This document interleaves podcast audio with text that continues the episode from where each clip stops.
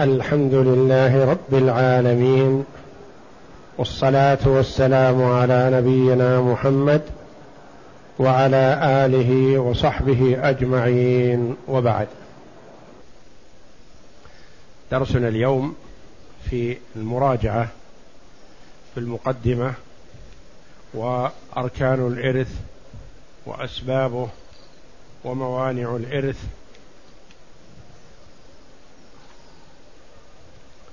فنمر عليها إن شاء الله للتذكير. ومن كان عنده إشكال من الطلاب يكتب سؤاله ويقدمه في أثناء المناقشة. الآن ما يميز بأنه سؤال طالب حتى يجاب عليه إن شاء الله. اقرأ. يا عبد الله السؤال الأول. بسم الله الرحمن الرحيم. ما هي المبادئ العشرة؟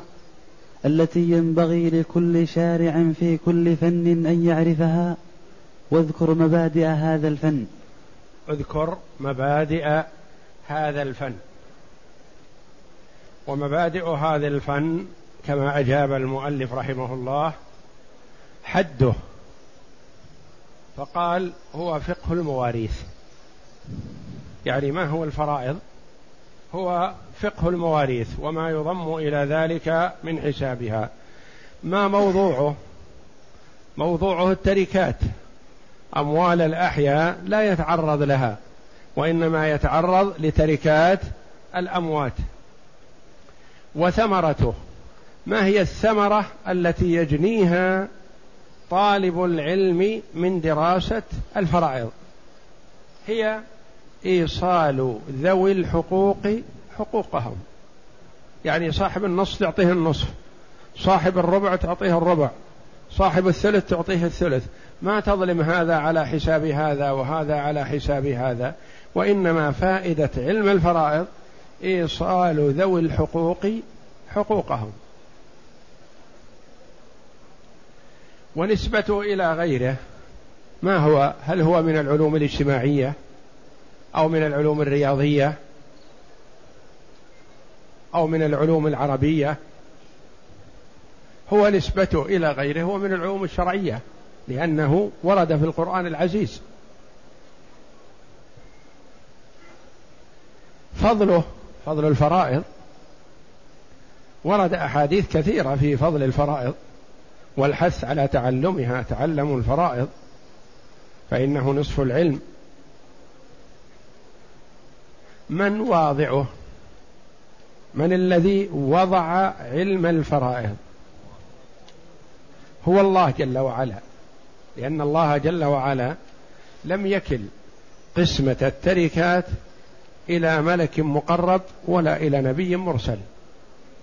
ما وكلها إلى الرسول صلى الله عليه وسلم وهو أفضل الخلق وإنما تولى جل وعلا بذاته قسمتها في كتابه العزيز.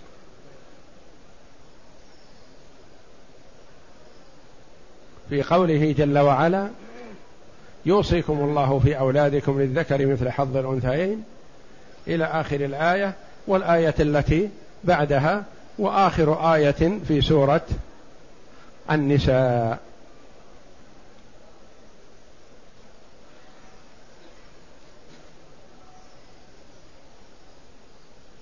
اسمه علم الفرائض لأنه تدرس فريضة كل وارث.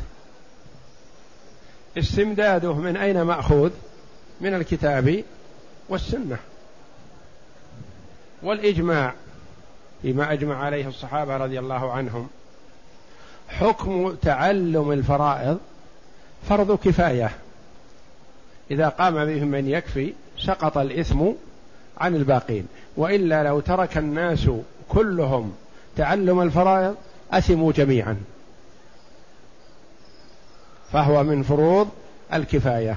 فرض الكفاية إذا قام به من يكفي سقط الإثم عن الباقين. وإذا لم يقم به من يكفي سقط أثم كل إنسان في هذا. مسائله هي مسائل الفرائض التي مرت علينا وسيمر علينا باقيها إن شاء الله. نعم. ما هي؟ ما هي المبادئ العشرة؟ ما هي الحقوق المتعلقة بالتركة؟ ما هي الحقوق المتعلقة بالتركة؟ تركة متوفى ما هي الحقوق التي تلزم فيها؟ مجموعة حقوق. بماذا يبدأ؟ أول ما يبدأ به مهورة التجهيز. ميت خلف مال وهو في حاجة إلى حفر قبر وكفن وأجرة من يغسله ونحو ذلك. من أين تؤخذ هذه؟ من ماله إذا لم يوجد متبرع. الثاني الحقوق المتعلقة بعين التركة. في حقوق متعلقة بعين التركة. كدين به رهن. نخلص الدين هذا من أجل أن نأخذ الرهن.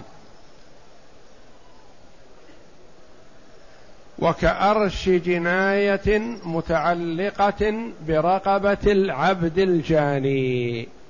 مملوك للمتوفى لكنه قد جنى في حال حياته. حياة سيدة أو بعد موته. هل ممكن أن نبيع هذا الرقيق وفي رقبته أرش جناية؟ لا. تخلص الجناية تعطى الحق, لصاحبه ثم نتصرف في الجاني. لأن هذا الحق متعلق برقبة العبد الجاني الرقيق. مثل بيت مرهون. هل يسوغ أن نتصرف فيه قبل أن نفك الرهن؟ لا. إذا ففك الرهن مقدم. نفك الرهن ثم نتصرف في البيت. الثالث الديون المرسلة.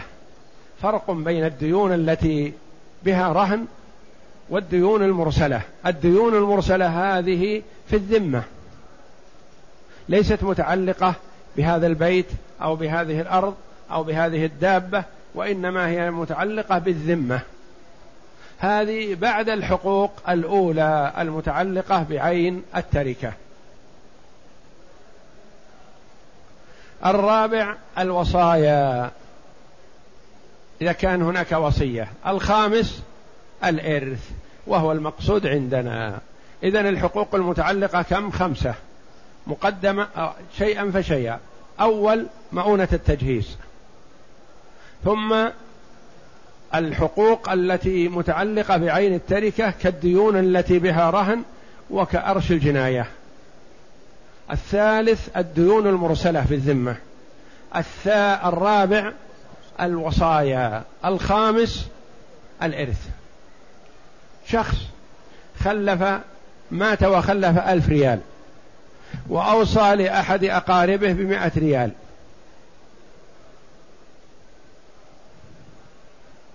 وأوصى وعليه دين بخمسمائة ريال مثلا. جاءنا صاحب الوصية حال وفاة المتوفى يقول أعطوني الوصية التي أوصاكم بها صاحبي. نقول انتظر يا أخي في مؤونة تجهيز قبل وفيه ديون متعلقة بالذمة بعين. بعين التركة. وفيه ديون متعلقة بالذمة ذمة المتوفى. كل هذه الثلاثة مقدمة عليك. ثم الوصية هي الرابع. والخامس قسمة ما بقي بين الورثة. أركان الإرث. ما يتم التوارث والإرث إلا بوجود أركانه الثلاثة. أركان الإرث ثلاثة. إذا ما وجدت ما صار إرث عندنا.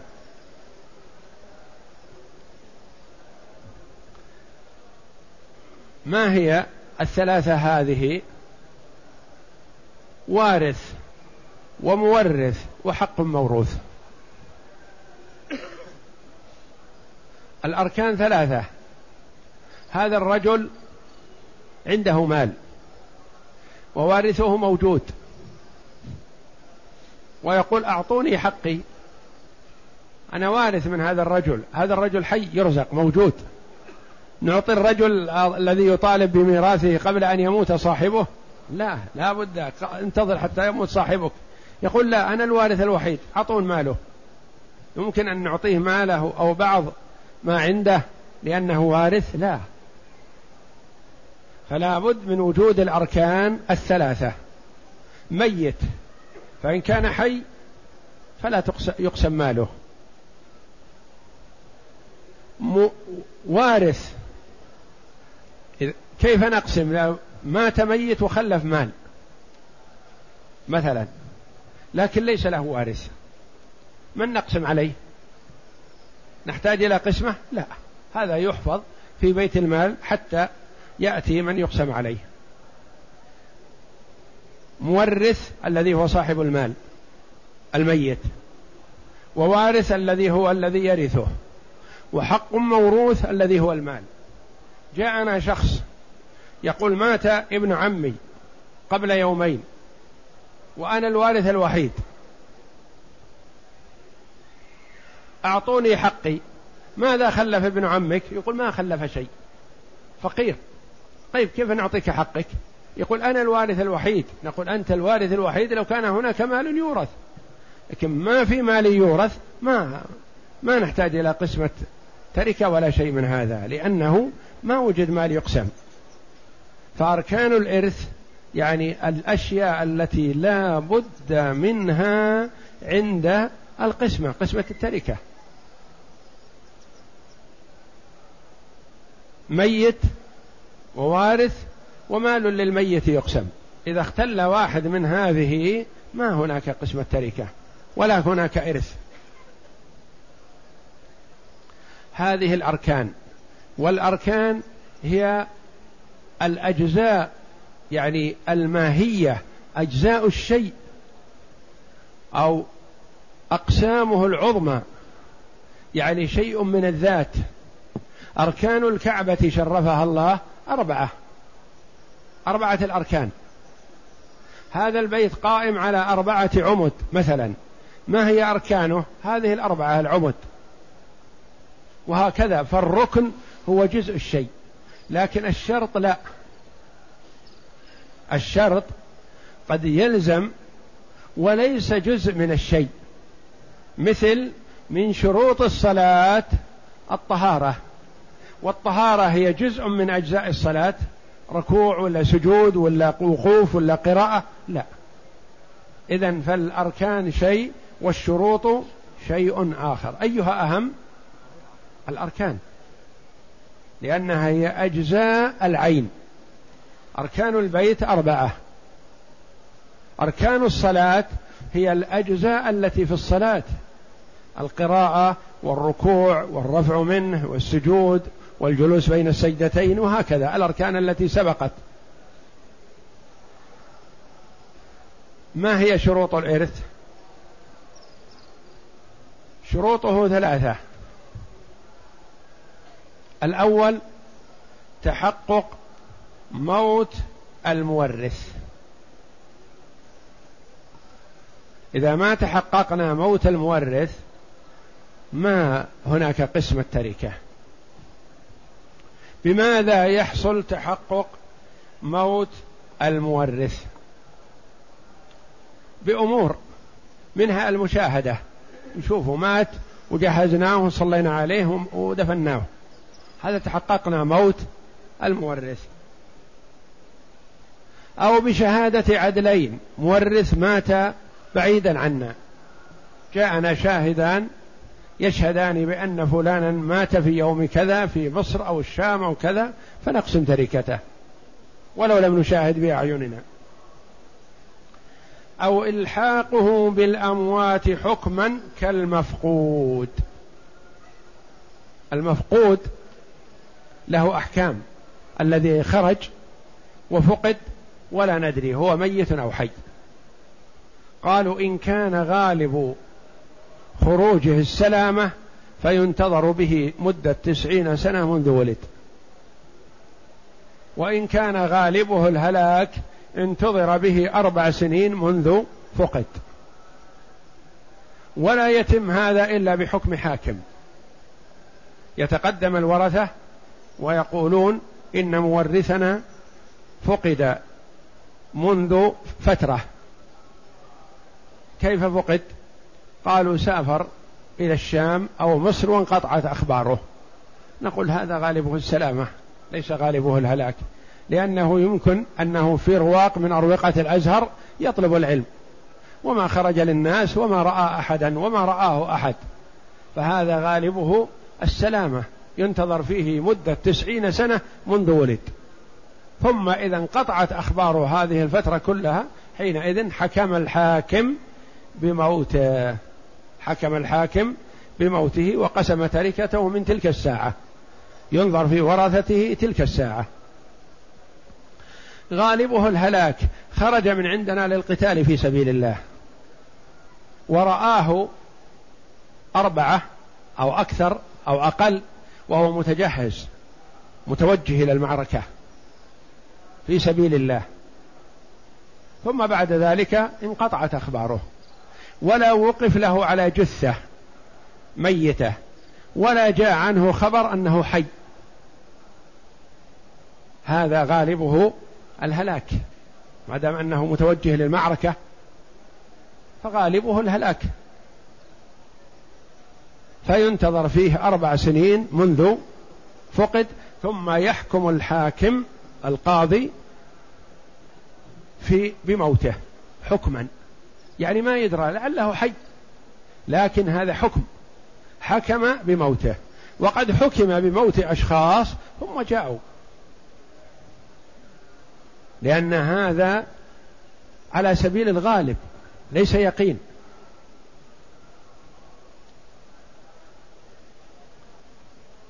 أو إلحاقه بالأموات حكما كالمفقود الذي فقد.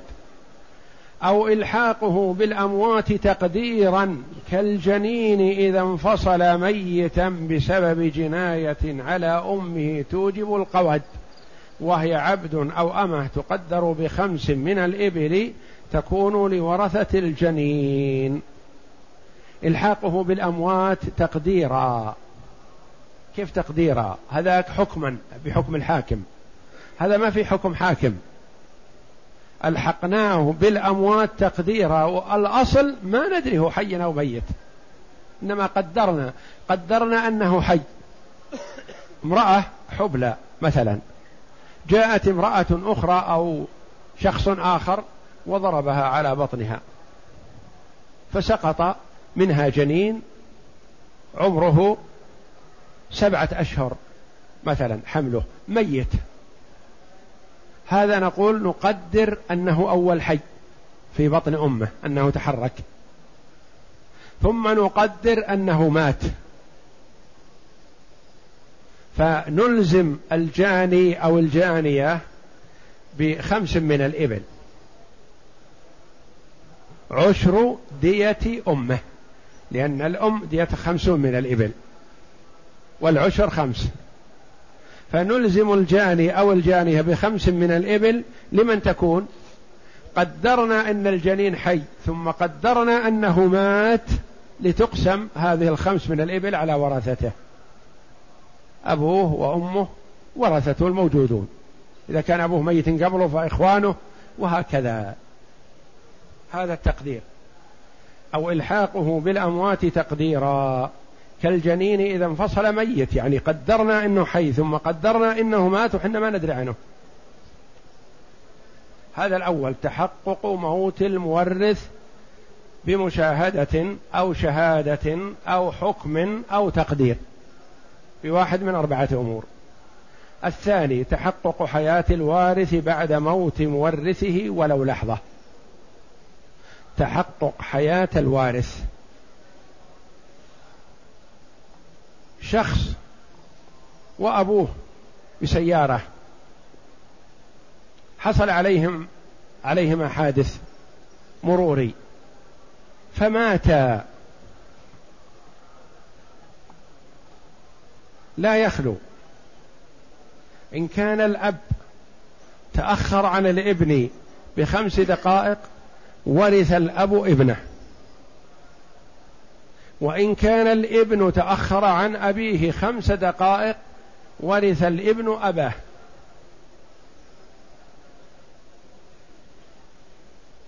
وإن ماتا جميعا فهذا سيأتي حكمه في باب مستقل باب ميراث الغرقى والهدمى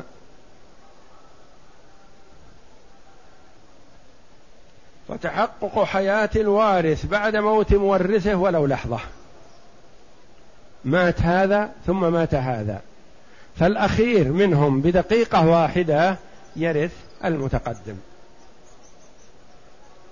لكن نورث شخص وهو ميت قبل مورثه؟ لا. لأنه لأن الوارث لابد أن يكون حي. إذا مات الأب مثلا بعد الظهر وكان الابن مات قبل زوال الشمس. فهل نورث الابن من الأب؟ لا لأنه مات قبله. الآخر مات بعد أبيه بدقيقة واحدة يرث من أبيه. الثالث العلم بالجهة المقتضية للإرث من زوجية أو ولاء أو قرابة وتعيين جهة القرابة من بنوة أو أبوة أو نحو ذلك والعلم بالدرجة التي اجتمع فيها الميت والوارث. العلم بالجهة المقتضية للإرث. قد يأتينا شاهد يقول أشهد بالله العظيم إن فلانا مات ولا يرثه إلا هذا الرجل. وهذا الشاهد عدل. ناخذ بشهادته هكذا ونعطي الرجل المال؟ لا. نسأل الشاهد. نقول هذا الرجل ماذا يكون لهذا الميت؟ هل هو زوج المرأة؟ يقول لا. لا أدري. هل هو عمه؟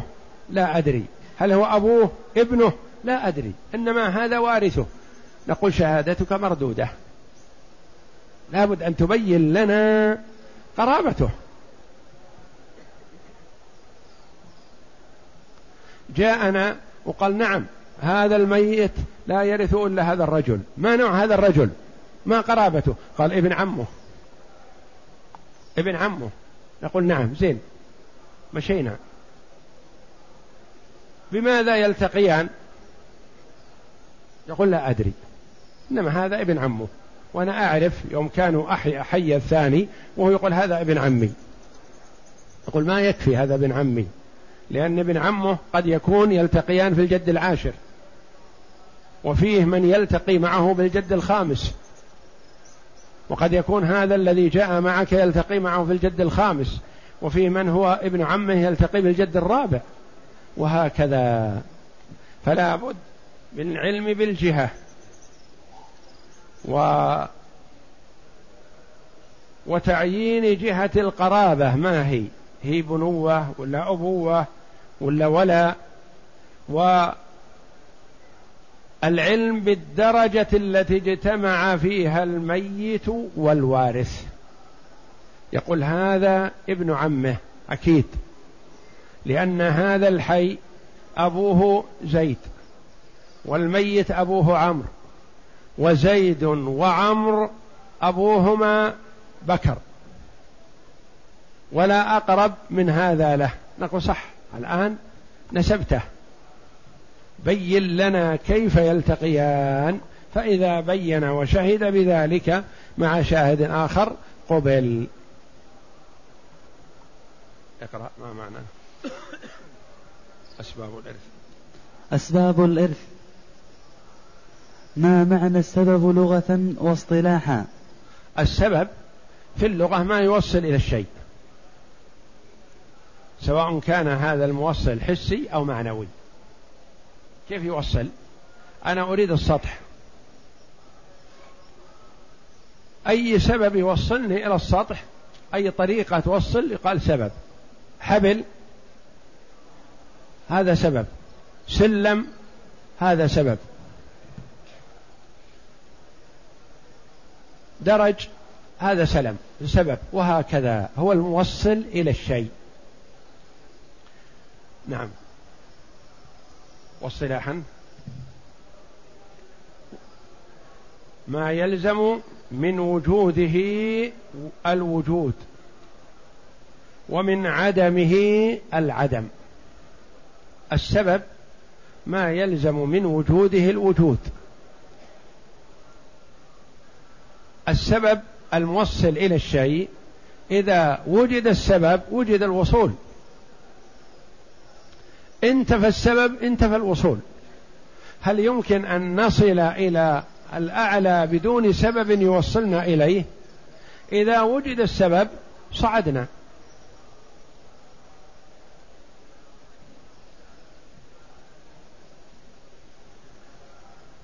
يعني وجد سبب الإرث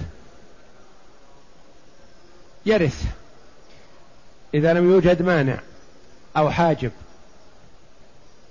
ما نقول إن هذا أب لهذا لكن لا توارث بينهما. نقول لا يا أخي السبب موجود القرابة. فالتوارث موجود ولا بد إلا إن وجد ما ينفيه. يقول نعم هذا الولد قتل أباه. نقول سبب التوارث موجود. وهو البنوة. لكن قام بهذا السبب مانع. فسبب الإرث موجود ويلزم منه الإرث. لكن إذا وجد ما ينافيه انتفى. هذا الولد ورث أباه. إلا إن وجد مانع قال نعم وجد مانع. ما هو المانع؟ الأب الابن قتل أباه. نقول هذا مانع. ولا السبب موجود. يقول الابن كافر والأب مسلم. نقول وجد مانع. يقول الابن رقيق والأب حر. نقول الرقيق لا يرث. وهكذا.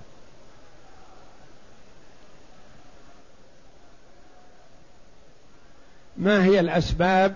أسباب الإرث إذن. يقول المتفق عليها ثلاثة. في أسباب مختلف فيها؟ نعم. في أسباب متفق عليها وأسباب مختلف فيها. الأسباب المتفق عليها هي ثلاثة. النكاح والولاء والنسب. والمختلف فيها هي بيت المال. هل هو وارث أم حافظ؟ عند بعضهم أن بيت المال وارث مطلقا. وعند بعضهم أن بيت المال وارث إن انتظم. وعند بعضهم أن بيت المال ليس بوارث وإنما هو حافظ. يحفظ المال حتى يأتيه الوارث. فإن لم يأتي الوارث صرف في مصالح المسلمين.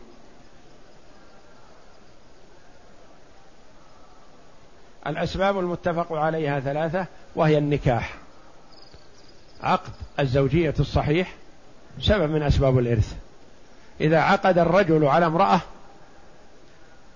فماتت ورثها وإن لم يدخل بها ولم يراها. أو مات هو ورثته وإن لم يدخل عليها ولم تره.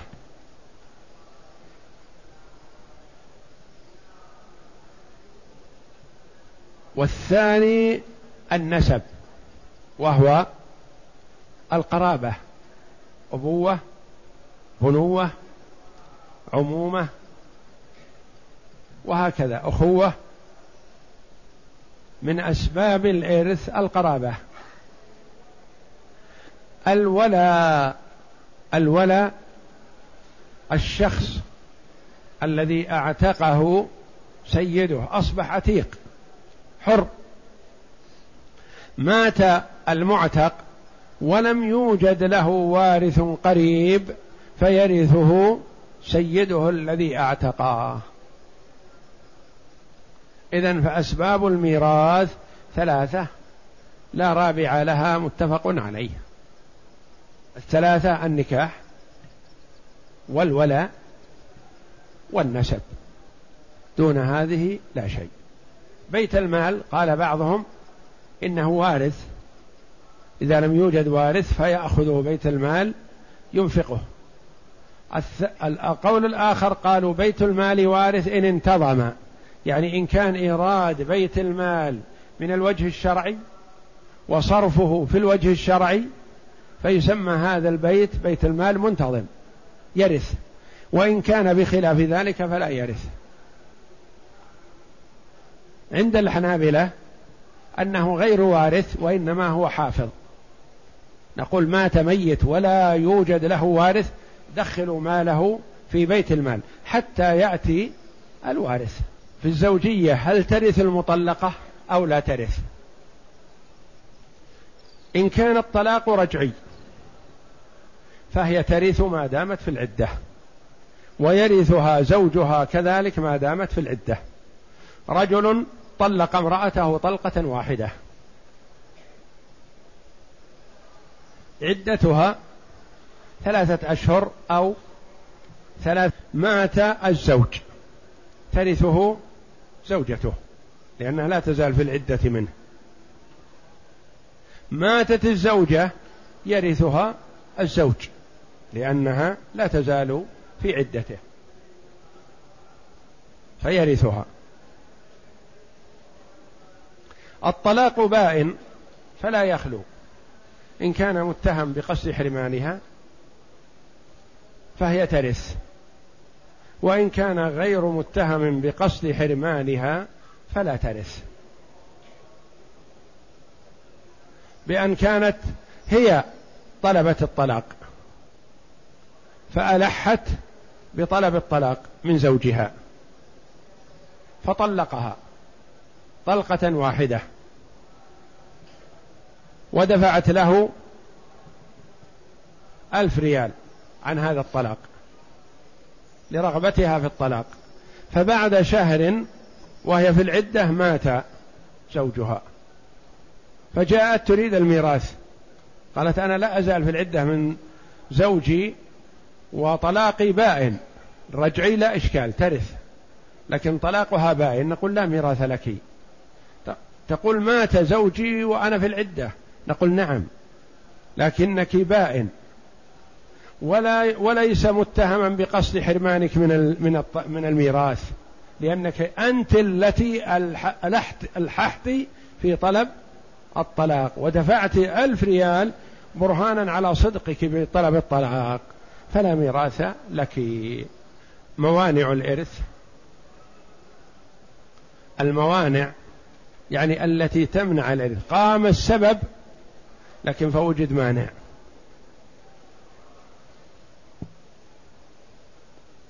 قام السبب وجد السبب.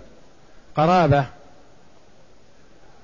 أو زوجية أو ولا لكن وجد مانع.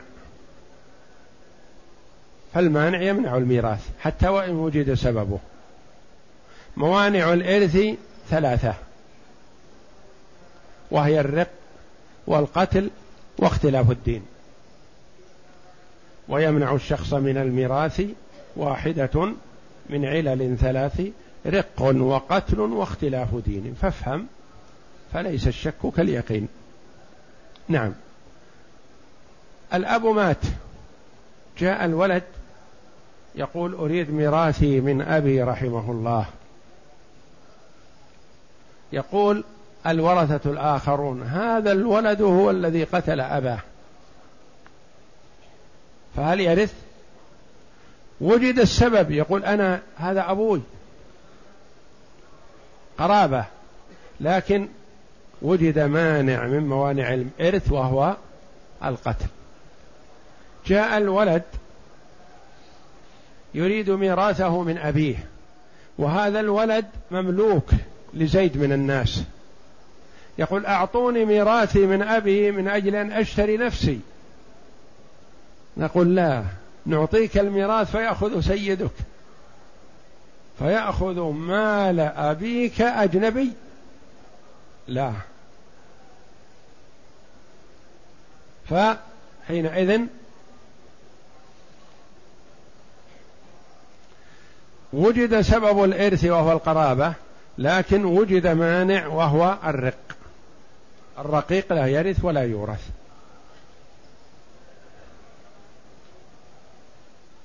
لو أنك نقول اقترضت أو استدنت أو اشتريت نفسك من سيدك وعتقت أخذت ميراثك من أبيك.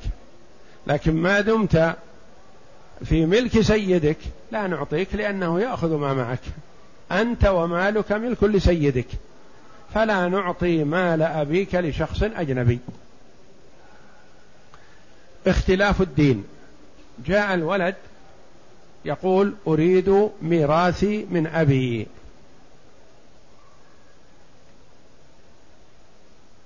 أبوه مسلم وهذا الولد يهودي أو نصراني.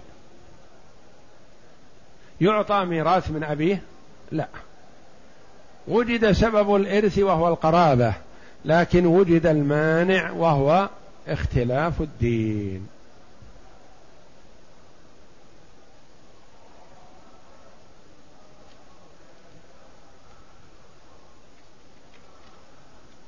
كل قتل يحرم من الميراث؟ لا. قتل يوجب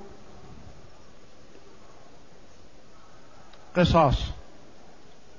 قتل يوجب دية.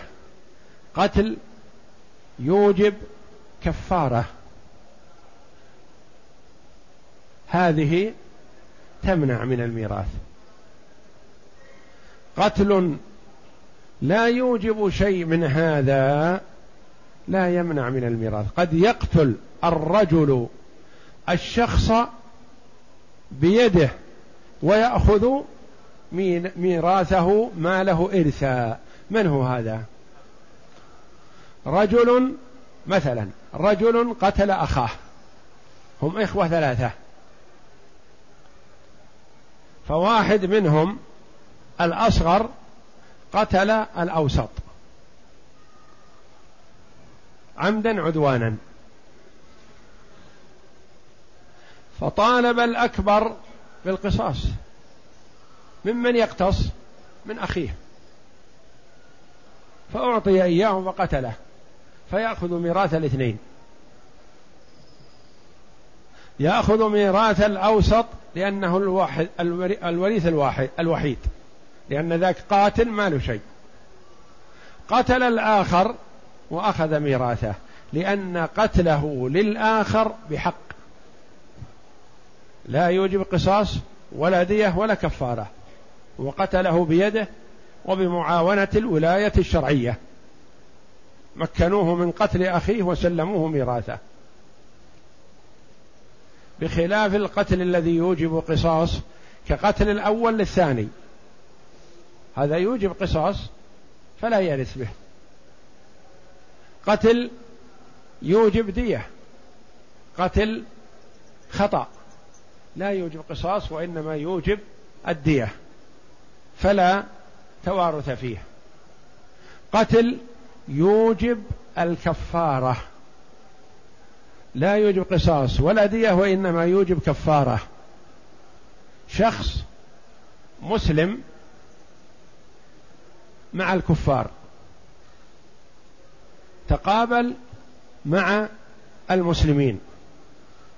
فجاء أحد المسلمين فقتل المسلم الآخر الذي في صف الكفار. لأنه يقاتل مع الكفار. فالمسلم قتل مسلما لأنه معاون للكفار. هل يوجب هذا القتل قصاص؟ لا. هل يوجب دية؟ لا لأنه هو نفسه خرج يقاتل لقتال المسلمين. هل يوجب كفارة؟ نعم يوجب كفارة لأنه مسلم قتل مسلم. فيوجب الكفارة.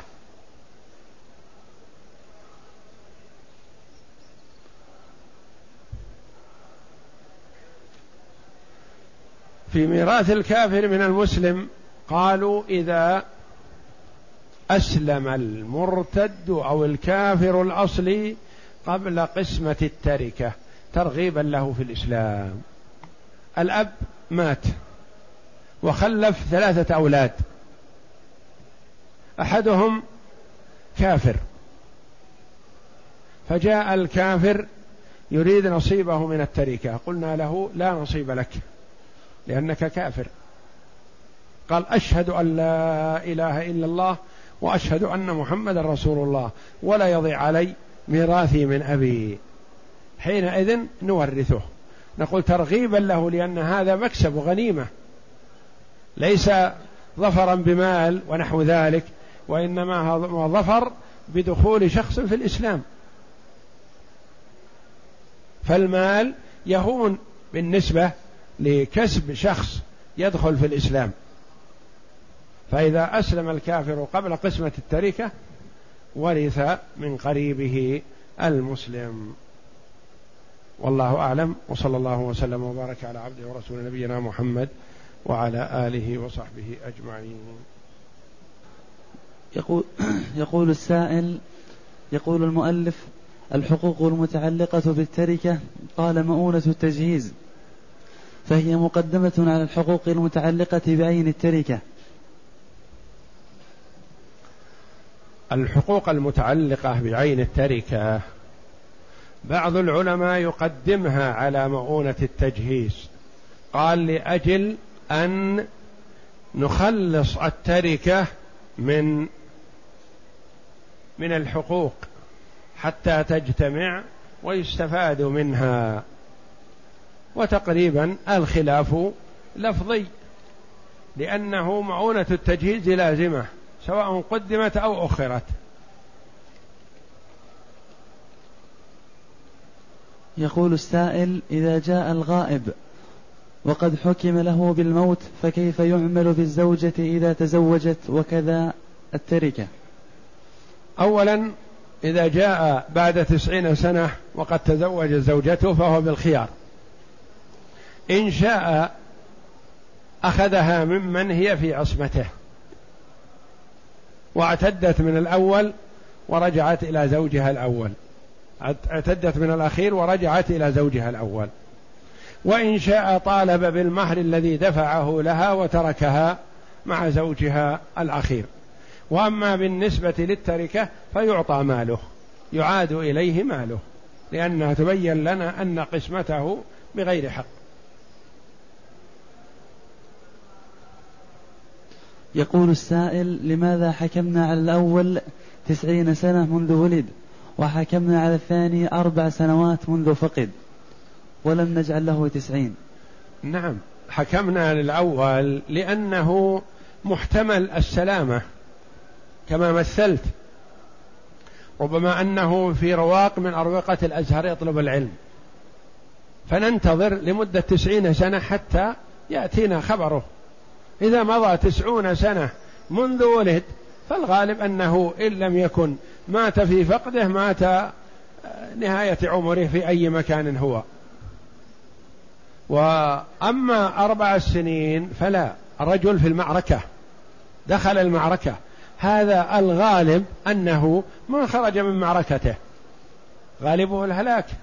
فلماذا ننتظر تسعين سنة؟ هذا غالبه الهلاك. فيحكم بموته منذ فقده بعد فقده بأربع سنين. يقول السائل إذا مات الابن قبل الأب بدقائق مثلا وله أولاد فماذا يكون حصة أبناء الابن المتوفى قبل أبيه بدقائق؟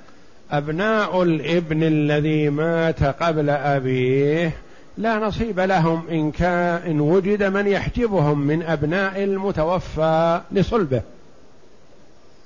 فلا يرثون شيئا وإنما لهم الوصية المستحبة لا الوصية الواجبة. فلا تجب الوصية وإنما تستحب. يستحب للرجل إذا كان له أولاد أحدهم مات في حياته وللميت هذا أولاد صغار أن يوصي لهم جدهم بشيء. يقول مثلا لأولاد ابن فلان الميت بمقدار ميراث أبيهم لو كان حيا. أو لهم ألف ريال أو لهم عشرة آلاف ريال أو نحو ذلك. يعني يوصي لهم بشيء وصية مستحبة وليست بواجبة. يقول السائل كم المدة التي يبقى فيها المال في بيت المال؟ إذا لم يظهر وارث وماذا يصنع بالمال؟ يبقى إلى الأبد حتى يأتي وارث. ومن حق بيت المال أن يستقرضه. إذا أيس من وجود شخص لأنه لن يطالبه به إلا الوارث. فإذا جاء الوارث طالب بيت المال بهذا المال وأخذه. وإن لم يأتي وارث فمن سيطالب به؟ لا أحد. يقول السائل كيف يحسب ميراث من أعتق نصفه؟ من أعتق نصفه بحسب النصف العتيق مثلا. مثلا شخص مات وله ثلاثة أبناء. اثنان حران والثالث نصفه عتيق. نقول في هذه الحال نقسم المال على الولدين ونصف الولد الذي هو الحر. عبارة يقسم كأنه على خمسة. فيأخذ هذا سهمين وهذا سهمين وهذا سهم واحد لأن نصفه الحر.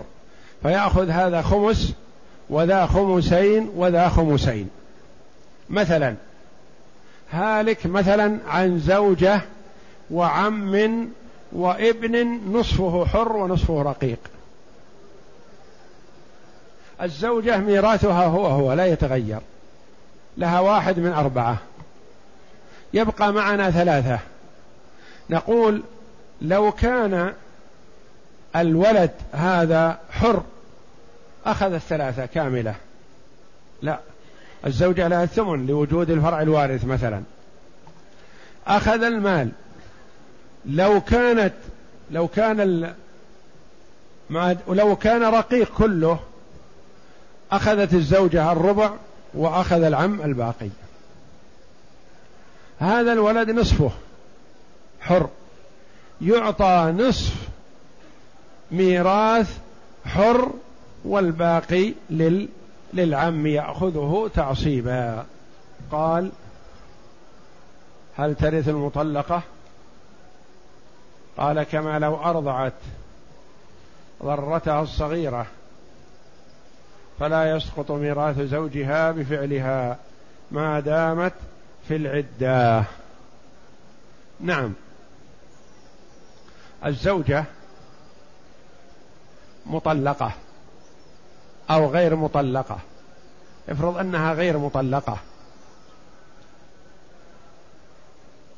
فهي أحست بدنو أجلها بمرض ونحوه وأرادت أن يكون ميراثها لأولادها وذويها دون الزوج.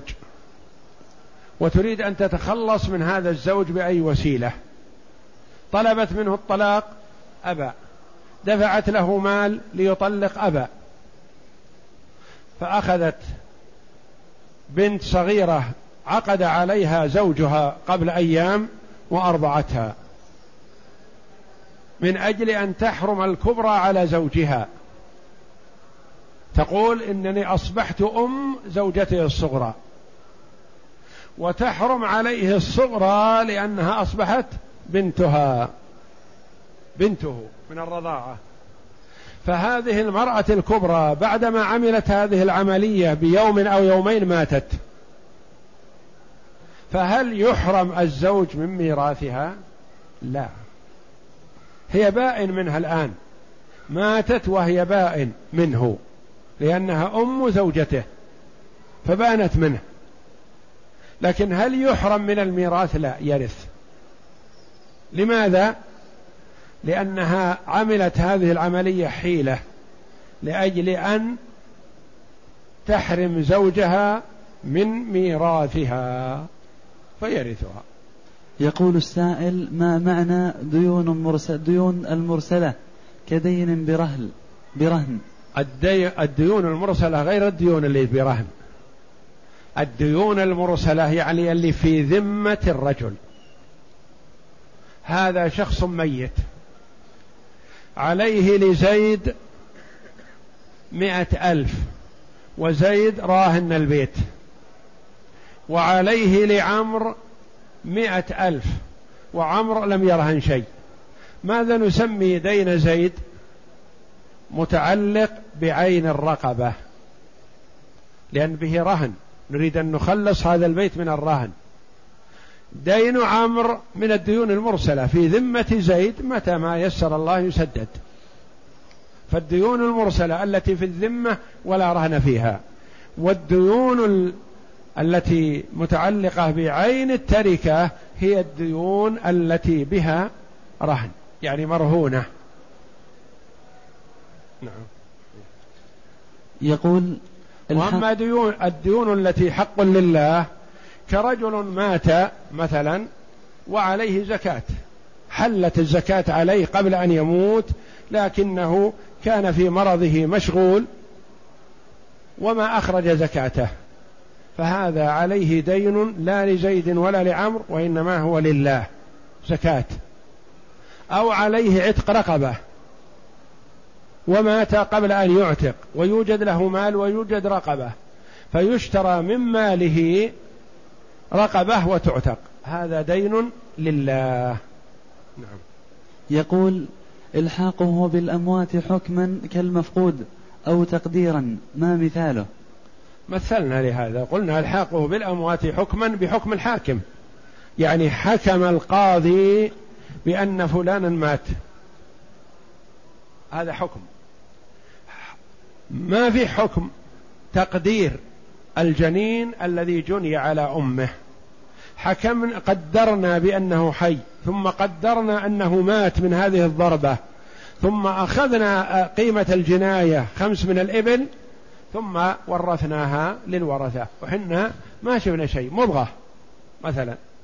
ما تبين فيه شيء يعني ما خرج حي نقول هذا روح. ما ندري متى مات لكن كل المسألة بالتقدير. يقول ما معنى كلمة جزء الماهية؟ جزء الماهية يعني جزء الشيء. مثل ما مثلنا قلنا الركوع في الصلاة ركن لأنه جزء منها. آه ستر العورة في الصلاة ليس بركن شرط لأنه لا دخل له إنما هو يكون في الصلاة لكن ليس جزء من الصلاة. مثلا الوضوء في الصلاة لا يقال له ركن شرط لأنه قبلها. وهكذا فجزء الماهية مثل الخيمة مثلا. قائمة على عمود هذا العمود جزء جزء الماهية. البيت قائم على أربعة أركان أربعة أعمدة. هذا كل واحد منها جزء جزء الشيء. وإيضاح يظهر هذا واضحا في مثل الصلاة. أركان الصلاة أجزاؤها. الركوع جزء الماهية. السجود جزء. القيام جزء وهكذا. هذه أجزاء من الماهية يعني من من الصلاة. الشروط والأركان الشروط تكون قبل تكون قبل مثلا. وليست جزء من الصلاة مثل القبلة شرط من شروط صحة الصلاة. لكن ليس جزء من الصلاة.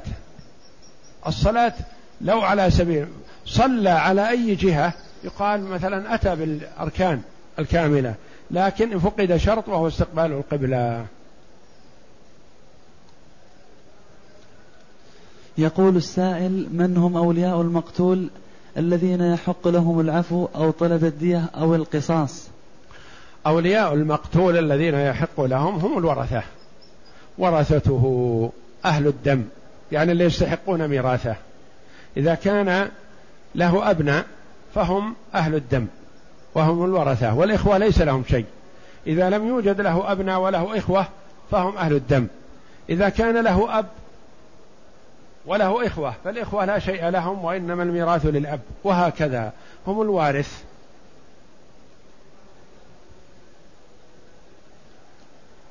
يقول السائل هل إذا قتل الأخ أخيه وهو صائل عليه هل يكون هذا مانعا للإرث؟ لا هذا ليس بمانع. إذا ثبت أنه صائل بس يحتاج إلى إثبات لأنه لا يعطى الناس بدعواهم. لا يقول أخي صال علي فقتلته. لا. لا بد أن يظهر ويوجد بينة تدل على هذا. يقول السائل هل تقسيم التركة واجب أم مستحب؟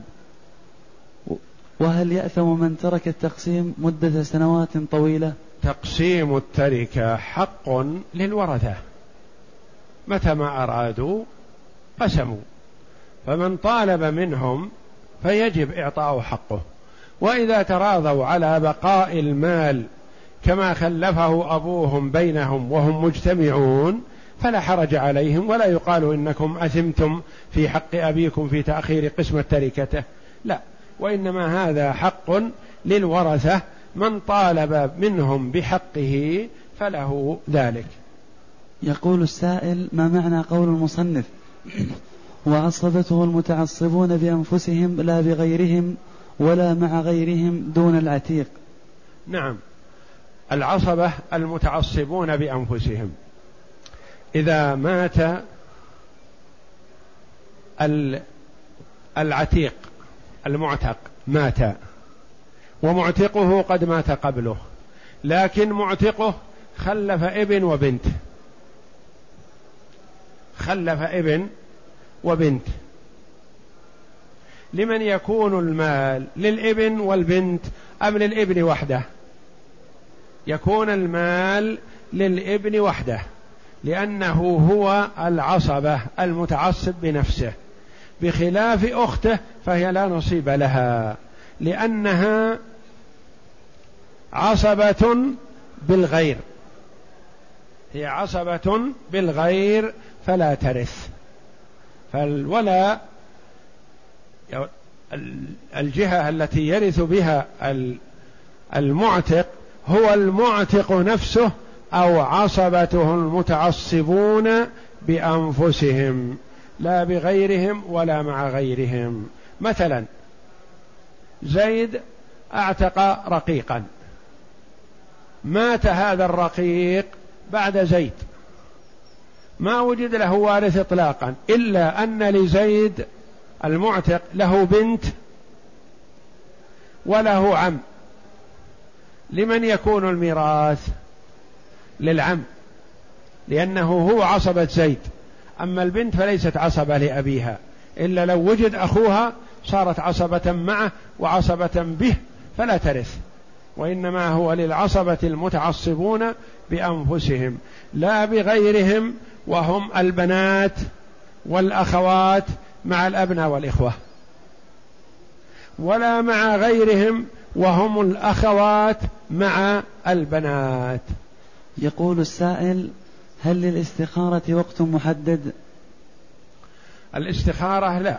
أي وقت تعزم على شيء ما فتصلي.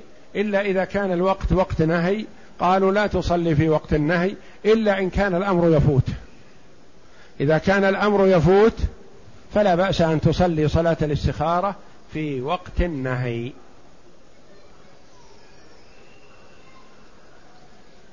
يقول السائل كيف كان رسول الله صلى الله عليه وسلم يبايع النساء؟ يبايع النساء كلاما عليه الصلاة والسلام كما قالت عائشة رضي الله عنها. ما مست يد رسول الله صلى الله عليه وسلم يد امرأة لا تحل له وإنما كان يبايعهن كلاما. يعني عليه الصلاة والسلام كان يبايع الرجال مصافحة. يبايع الرجال مصافحة. ويبايع النساء بالكلام يأخذ عليهن البيعة نطقا ولا يصافحهن. يقول السائل أهل مكة يحجون قارنين وهل عليهم هدي؟ أهل مكة إن حج قارنا أو حج متمتعا فلا هدي عليه. أو حج مفردا فلا هدي عليه كما ليس على غيره شيء. لكن في التمتع والقران لا هدي عليه. أما التمتع فهو بنص الآية الكريمة. فمن تمتع بالعمرة إلى الحج فما استيسر من الهدي فمن لم يجد فصيام ثلاثة أيام في الحج